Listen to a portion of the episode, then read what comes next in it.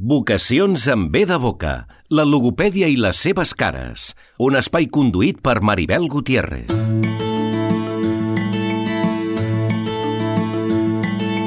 Molt bon dia, migdia, tarda, vespre, nit, sigui quin sigui el moment que hàgiu triat per escoltar-nos.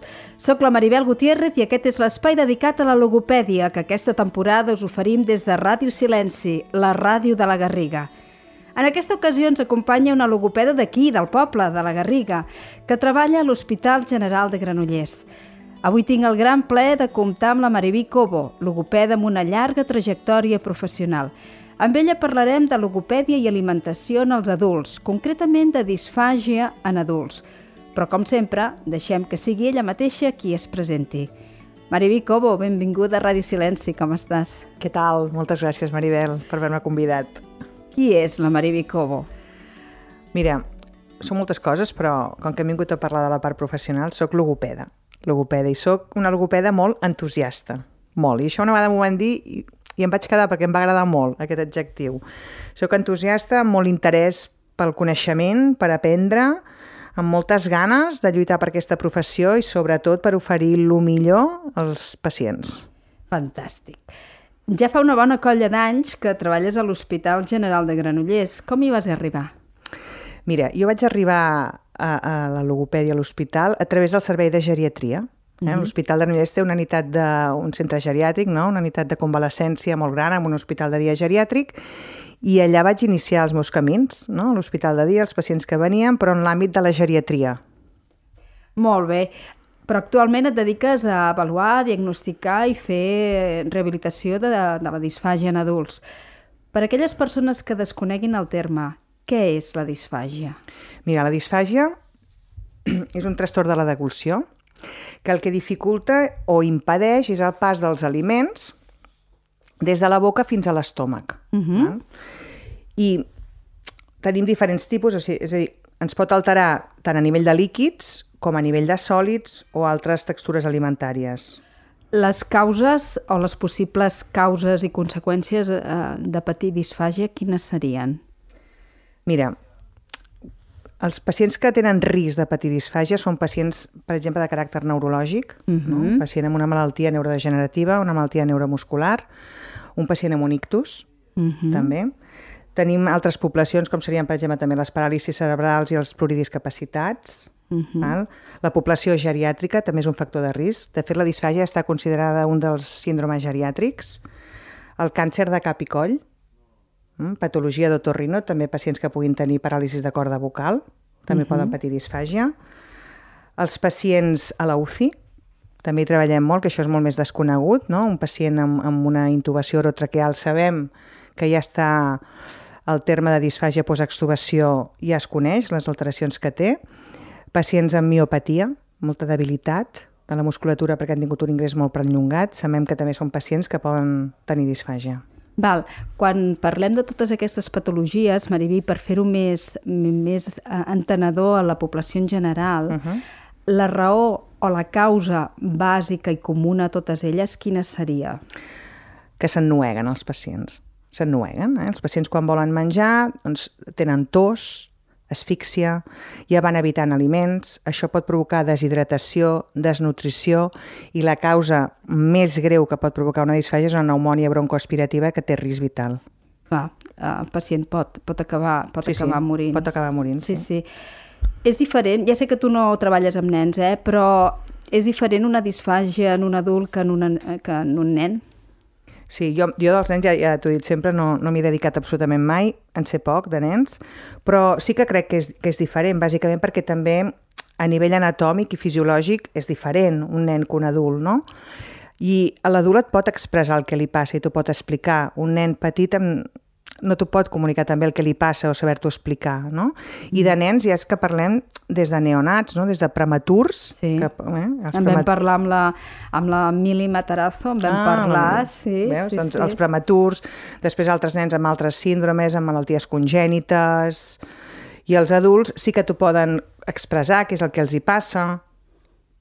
Clar, clar. Hi ha una sèrie de diferències. Sí, t'ho poden dir d'una manera o d'una altra, no? Encara Exacte. que siguin adults neurològics, però t'ho poden dir d'una manera o, o, o d'una altra. Mm. Um, hi ha dues paraules molt vinculades amb tota aquesta patologia que són seguretat i eficàcia. Uh -huh. Mariví, uh, explica'ns una miqueta, quan parlem de seguretat a què ens referim i quan, quan parlem d'eficàcia a, què, a què ens referim? Mira, quan parlem de, de seguretat estem parlant de que allò que estem menjant per la boca eh, vagi a l'estómac i no a la via respiratòria. Uh -huh. Val? Això és quan parlem de la seguretat en l'alimentació, és a dir, allò que menjo sé que anirà a la via digestiva i no a la respiratòria.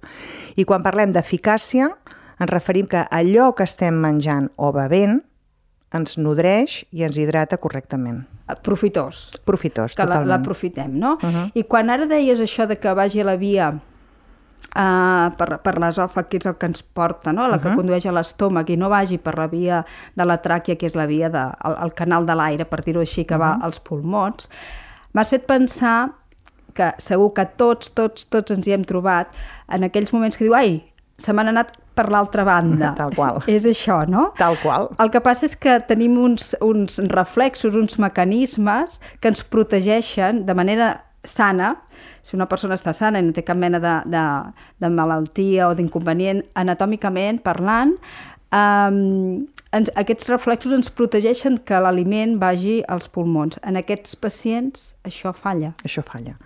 Què ens passa? Per exemple, un pacient neurològic no? o un pacient amb un ictus. Eh? Són pacients que sabem que tenen, per exemple, el pic de tos, Uh -huh. alterat. Què vol dir el pic de tos? Vol dir la força, la força glòtica que tu tens per tossir i netejar i aclarir allò que puguis tenir a sobre de les cordes vocals perquè la tos és un mecanisme de defensa. De defensa total. Protectora. Tots aquests pacients sabem que tenen molts problemes a nivell muscular. De fet, ja hi ha molta literatura publicada de la relació de la disminució del pic de tos amb les broncoaspiracions. Eh? Sabem que hi ha pacients que hi ha tota una sèrie de mesures, quan mesures el pic de tos, que ja sabem que no salvaran un event broncoaspiratiu pel pic de tos que tenen. Uh Mhm. -huh. Altres alteracions que podem trobar també en aquest sentit que m'estaves explicant, que m'estaves preguntant, Maribel, és la sensibilitat, eh?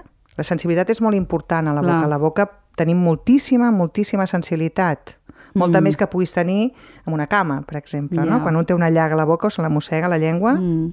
De fet, amb els neonats no, diem que la boca és la, primer, la primera font d'informació per un, Tal per qual, un no? bebè. Doncs la sensibilitat també és un factor molt important que es veu alterada en pacients amb malalties neurològiques o un ictus o un pacient que ha estat intubat orotraquealment que no li passa l'aire per la via aèria superior. Per tant, això s'altera la sensibilitat. Si tu no notes, no sents, difícilment Clar. pots desencadenar la resposta motora. Clar, perquè primer és el sentit, El o sigui, el sentit. sentir, l'estímul, per després que hi hagi una reacció A, a la motora. deglució, clar, exacte. Jo poso un menjar a la boca, jo noto si està salat, noto si em crema, si està fred. I aquests neurotransmissors, no? aquests quimioreceptors, Mhm. envien l'ordre a les àrees motores del meu cervell i jo desencadeno aquesta resposta motora i degluteixo. Mhm. Sí, sí, eh, molt interessant, molt complex, però molt interessant. Mariví, es pot donar el cas que un pacient, ja ho has dit abans una miqueta, però manifesti disfàgia a uns aliments i a d'altres no? O a un aliment cuinat d'una determinada manera però no d'una altra? Sí, sí, de fet, també hi comencen a haver-hi molts, molts estudis, hi ha moltíssima gent que es dedica a la reologia dels aliments. Eh? Els aliments actuen de diferent manera quan ens els posem a la boca. Tu no mastegues igual una galeta que un caneló, Uh -huh. que una crema de carbassó. No necessites la mateixa resposta motora ni la mateixa propulsió de força lingual mm. per empassar. Això estaria relacionat amb, amb el que deies abans de, de l'aspecte aquest més sensorial. Exacte, Eh? tal qual. Llavors sabem que les textures mixtes, aquelles que barregen sòlids i líquids, tenen un alt índex d'ennuegament, perquè baixen a diferent velocitat i perquè necessitem diferent gestió dins de la boca. Els líquids igual, baixen a una velocitat molt ràpida i aquests pacients que estan enlentits i que la musculatura no és eficaç, tanquen amb retard la via respiratòria i aspiren. Uh -huh. També és possible que la disfàgia no es produeixi sempre en el mateix punt del tracte uh -huh. digestiu, no? que es produeixi a diferents sí. llocs. Sí, perquè a nivell de logopèdia, quan parlem de disfàgia, la que podem rehabilitar seria la disfàgia orofaríngia. I aquí és? la diferència que farem. És a dir, Mm. mm. la disfàgia orofaríngia és aquella disfàgia que altera des de la zona oral, des del moment que ens posem l'aliment a la boca, que jo Mhm. Segello els llavis, perquè si jo no puc tancar i fer un segell labial, difícilment podré compactar aquest bolus alimentari i el podrem passar, perquè això és un joc de pressions. Els meus llavis faran una pressió, faré un bombeig amb la llengua i aniré desencadenant una sèrie de reflexos per poder deglutir.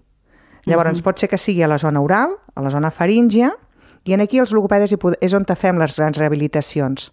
O també a la zona esofàgica. I a la zona esofàgica només tenim un, una maniobra per poder treballar, que és la maniobra de shaker, no?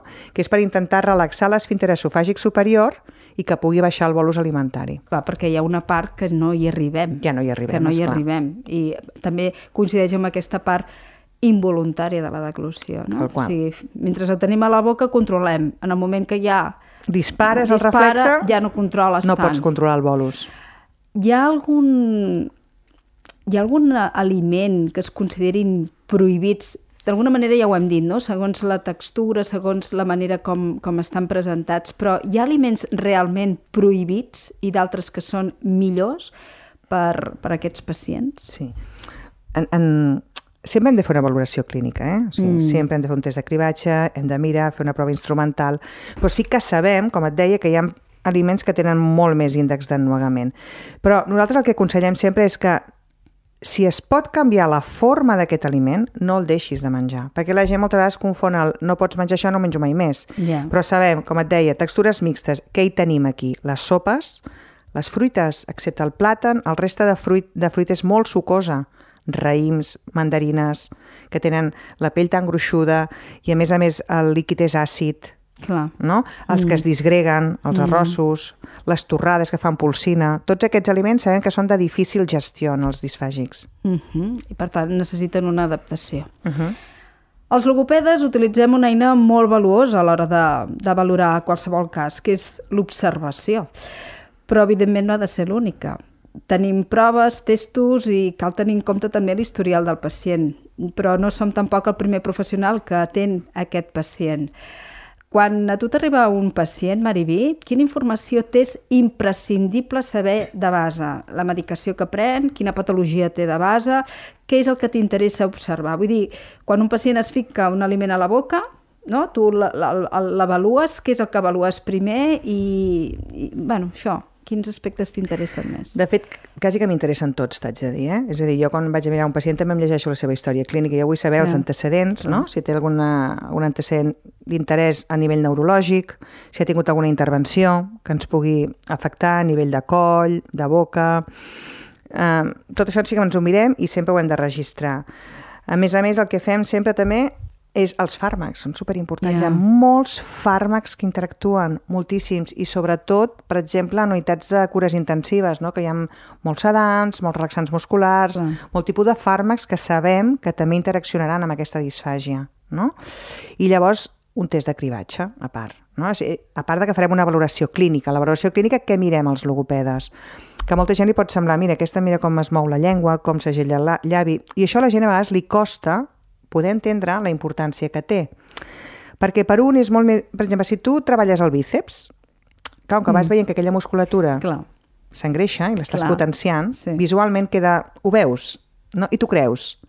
Però quan no veus què passa? què està passant aquí dintre és com molt difícil aquests exercicis, però nosaltres quan mirem el moviment de la llengua, mirem, mirem el segell labiant, mirem el, uh, si eleva el vel del paladar, mirem la veu, la veu és un índex importantíssim en aquests pacients també de veure. El que estem valorant són els nervis cranials que hi ha en el tronc de l'encèfal, que sabem que són superimportants en la deglució. Clar, són uns nervis que venen... No? Inerven, Clar, que inerven tots aquests moviments Clar. a nivell motor, sensorial i mixta, i són importantíssims. I nosaltres podem estar valorant un pacient que diem alerta, hi ha una paràlisi del vel del paladar, no hi ha sensibilitat en aquesta zona de la boca, no activa, i això ens dona aquesta informació també, Mhm. clínico-anatòmica. Mhm. Creus que una mica un dels objectius d'aquest espai és donar a conèixer la nostra feina, o la teva en concret, avui, uh, perquè creus que es desconeix aquesta banda de la logopèdia. Tot això que dius, el que no es veu, no, no, no en som conscients, I- i no? tant. I que durant molt de temps la gent sempre ha pensat que els logopedes érem doncs, els, els de les R's Sí, qual. i aprendre a llegir i escriure i poca cosa més. Potser la veu, però clar, eh, estàs explicant una, una faceta, no? un àmbit de la logopèdia superimportant, perquè de fet estem, estem valorant i estem cuidant per la seguretat vital d'aquestes persones. Sí, sí. Penses que falta molt. Falta molt. informació. Pensa que encara, jo m'hi trobo a l'hospital, mira que fa anys aquí treballo, logopeda, em diuen logopeda, diu, però això no és el dels nens, tal Ja, qual, eh? ja. Tal qual, sí, sí. I clar, la gent desconeix molt aquest àmbit clínic dels logopedes, no? Mm. Uh, i sobretot a les UCIs, eh? A les UCIs que cada vegada intentem que s'hi pugui treballar més, també, no? Però sí que es desconeix molt i es pensen que és de cara als nens, no? Llavors els expliquem, no, mirin, hi ha una, una part que és d'adults, que treballem amb aquest tipus de malalties i amb aquest tipus de pacients, doncs amb una traquetomia, Clar. etc. no? Però sí, Sí, que la gent sí. encara ho desconeix molt. Ara que esmentaves això de la UCI, com vas viure la pandèmia, Mariví? Home, va ser dura a l'inici, la veritat, Ja. eh? Perquè, clar, tots aquella incertesa i aquella por, no? I això em va fer ràbia, t'ho haig de dir, eh? Perquè tenies aquella por i pensava, ostres, jo no puc tenir aquesta por, no, jo no, m'haig d'acostar al malalt. Mm, I al final vaig decidir, el malalt és el, la persona és la, el primer, els hem d'atendre Ja. uh, i no passa res. I no, ja si m'infecto, m'infecto. És a dir, és la meva feina i aquí estic, no? I res, pues, intentant acostar-te al pacient al màxim possible, ajudant-los. Pensa, pacients, tots desconeixien moltes coses, van ser ingressos molt llargs, pacients amb traqueostomia, amb molt temps en ventilació mecànica, amb unes conseqüències molt greus a nivell muscular i a nivell de sensibilitat, i, i vam treballar molt aquests aspectes de la deglució, la decanulació en aquests pacients, mm -hmm. no? Hi va haver-hi feina. I, I també t'haig de dir que també ens va donar una mica d'embranzida a nosaltres, eh, a nivell clínic, en les UCIs, perquè vam aportar valor, valor mm -hmm. en, aquesta, mm -hmm.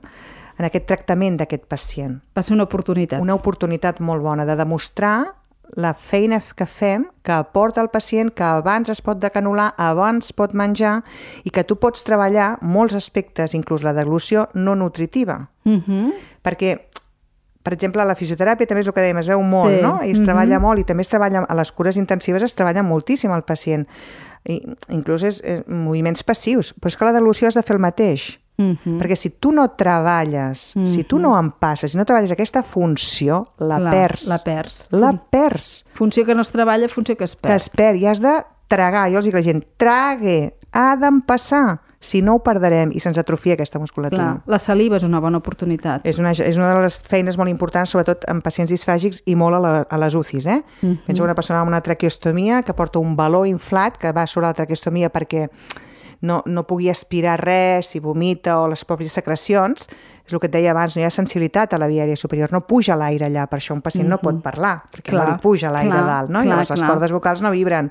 Has de treballar aquesta gestió de les secrecions i aquesta sensibilitat i reconfigurar, i a la que desinfles valor vas treballant això, el pacient va agafant força Clar. a la musculatura, l'anem treballant, inclús treballem l'aspecte de la comunicació. Un pacient amb una traqueotomia molt temps en ventilació mecànica no es pot comunicar no. i es pensen que no podran parlar mai més. Doncs posem vàlvules fonatòries en pacients en ventilació, que puguin parlar un ratet... És a dir, estem fent molts avenços molt importants a les cures intensives amb un abordatge molt, molt multidisciplinar. Super interessant. Maribé, et demanaré audiència un dia per venir. I tant, com vulguis. Escolta, hi ha un aspecte que m'agradaria remarcar i que a vegades no se li dona la importància o no se li presta la suficient atenció que hauria de tenir, que és la higiene vocal. Com d'important és mantenir una bona higiene vocal? Hi ha pacients que no mengen per boca, però això no vol dir que no hagin de descuidar la seva higiene, no? Clau, clau. És, per mi és un dels aspectes, et diré que, mira, si algun dia tens oportunitat de venir a alguna xerrada de les que Sí, fem, sí, jo alguna vindré. sessió, algun, quan fem algunes jornades, és una de les meves diapositives. I a més a més és tan important que és que hi ha moltíssima evidència científica ja publicada, moltíssima. La higiene oral en tots els pacients, en pacients amb demències, amb malalties neurodegeneratives que no mouen, mouen bé la llengua, que s'atrofia, en persones amb pluridiscapacitat, que hi ha mm, mm, dentadures en molt mal estat, val? Mm. i el pacient malalt, evidentment, una persona està Mhm. malalta, la boca, hi ha molts patògens, I, i nosaltres és una cosa que sempre ho treballem moltíssim, tenim protocols als hospitals d'higienes vocals, a les UCIs hi ha protocol de disfàgia zero, tres higienes al dia a les plantes, i insistim moltíssim, molt. Amb quins professionals eh, et relaciones més a l'hora de treballar? Quins... eh, La logopèdia és, és una disciplina multidisciplinària, valga la redundància, uh -huh. eh, però amb quins eh, professionals són amb els que més et... de- D'alguna manera ja ho has apuntat, no? Neuròlegs, digestòlegs, però a veure, explica'ns, explica'ns.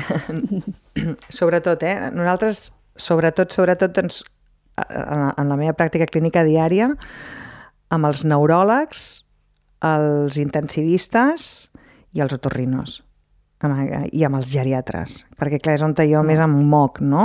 Mm -hmm. Però són, nosaltres tenim, per exemple, a l'hospital un grup de treball de disfàgia i som totalment multidisciplinars i, i tenim representació de tots aquests que t'he dit, de les dietistes, nutricionistes, que no me les vull deixar, amb les quals hi treballem clar. també cada dia colze a colze, tenim farmacèutic també, eh? Clar també, i tots aquests professionals són els que, que ens reunim i, i parlem sobre disfàgia, no? Uh -huh. I no cal oblidar la família, com una part de tot molt, aquest encaix que és una part super important, perquè els pacients un dia reben l'alta, se'n van a casa i la família són les persones que se n'hauran de fer càrrec. Ensenyeu a les famílies tècniques per donar de menjar a aquest pacient? Perquè suposo que se'n van a casa molt contents, però amb molta por. Sí, home. Pensa que has, has, has d'explicar les textures alimentàries no? i les viscositats, que són importantíssimes, i això també és una, eina, és una mesura de rehabilitació, està clar. Maniobres compensatòries, els expliquem quines postures són les més correctes, no? Mm -hmm. perquè molta gent se, em fa gràcia, per exemple, és una cosa molt important, però la gent quan em passa i es troba malament tira el cap enrere, sí. no? perquè la gravetat els hi sembla clar. que els hi ha d'ajudar i és totalment al revés, no? Però sí que els intentem explicar totes aquestes coses. A vegades segurament no podem fer-ho com voldríem fer-ho, però sí que ho intentem fer. De fet, tenim una unitat de rehabilitació a l'hospital que treballem pacients amb disfàgia, eh, també. Uh -huh. Vull dir que en aquest sentit llavors estan acompanyats els que poden venir. Teniu molts reingressos? Mira, t'haig de dir que nosaltres, des de que la vam protocolitzar, la disfàgia, que crec, si no m'equivoco, va ser cap al 2010, la vam protocolitzar, vam publicar després un article i que el vam presentar en un congrés europeu de disfàgia en el qual havíem reduït les broncoaspiracions en els pacients hospitalitzats, substancialment, eh? Molt bé.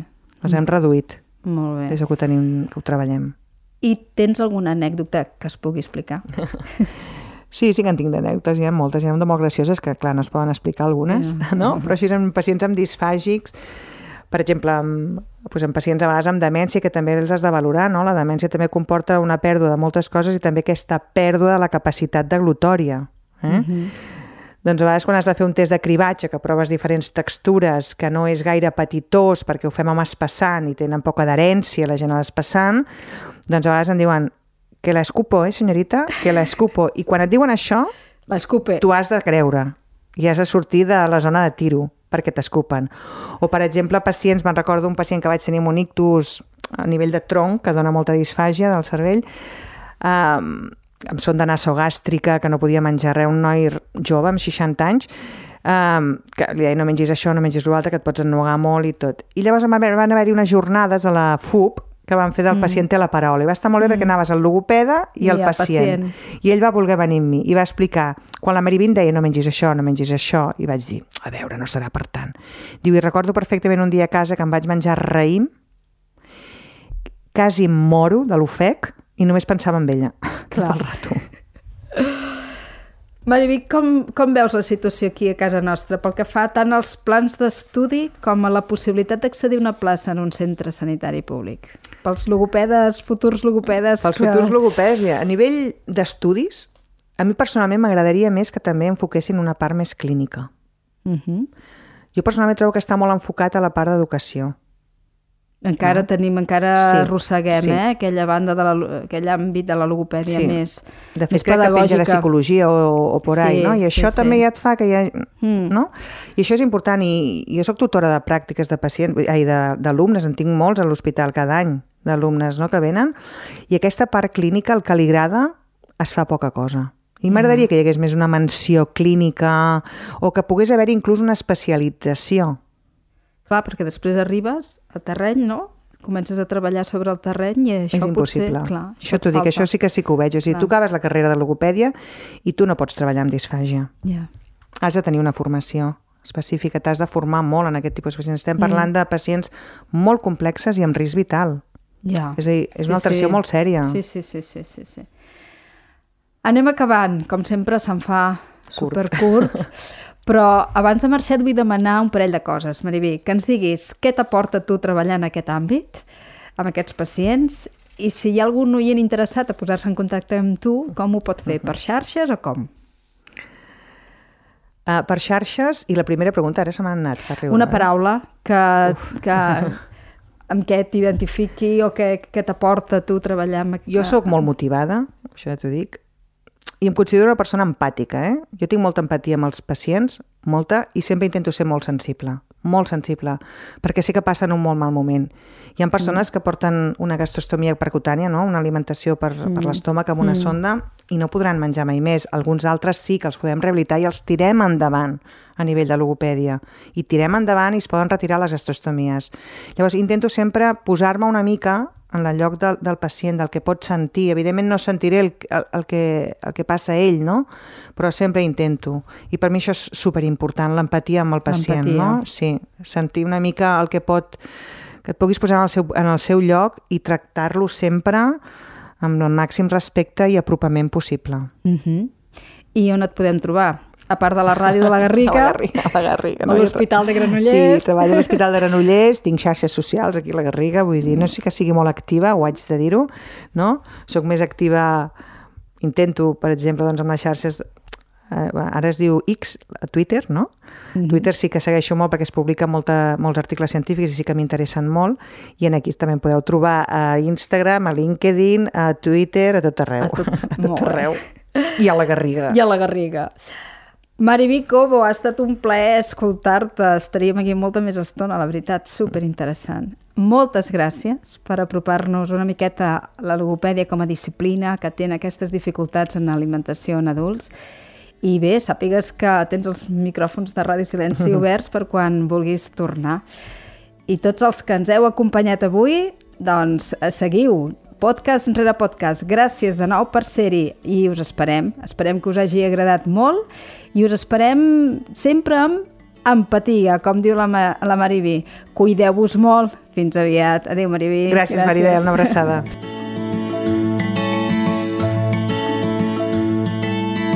Pots escoltar la resta de podcast de la temporada a la web de l'emissora radiosilenci.cat.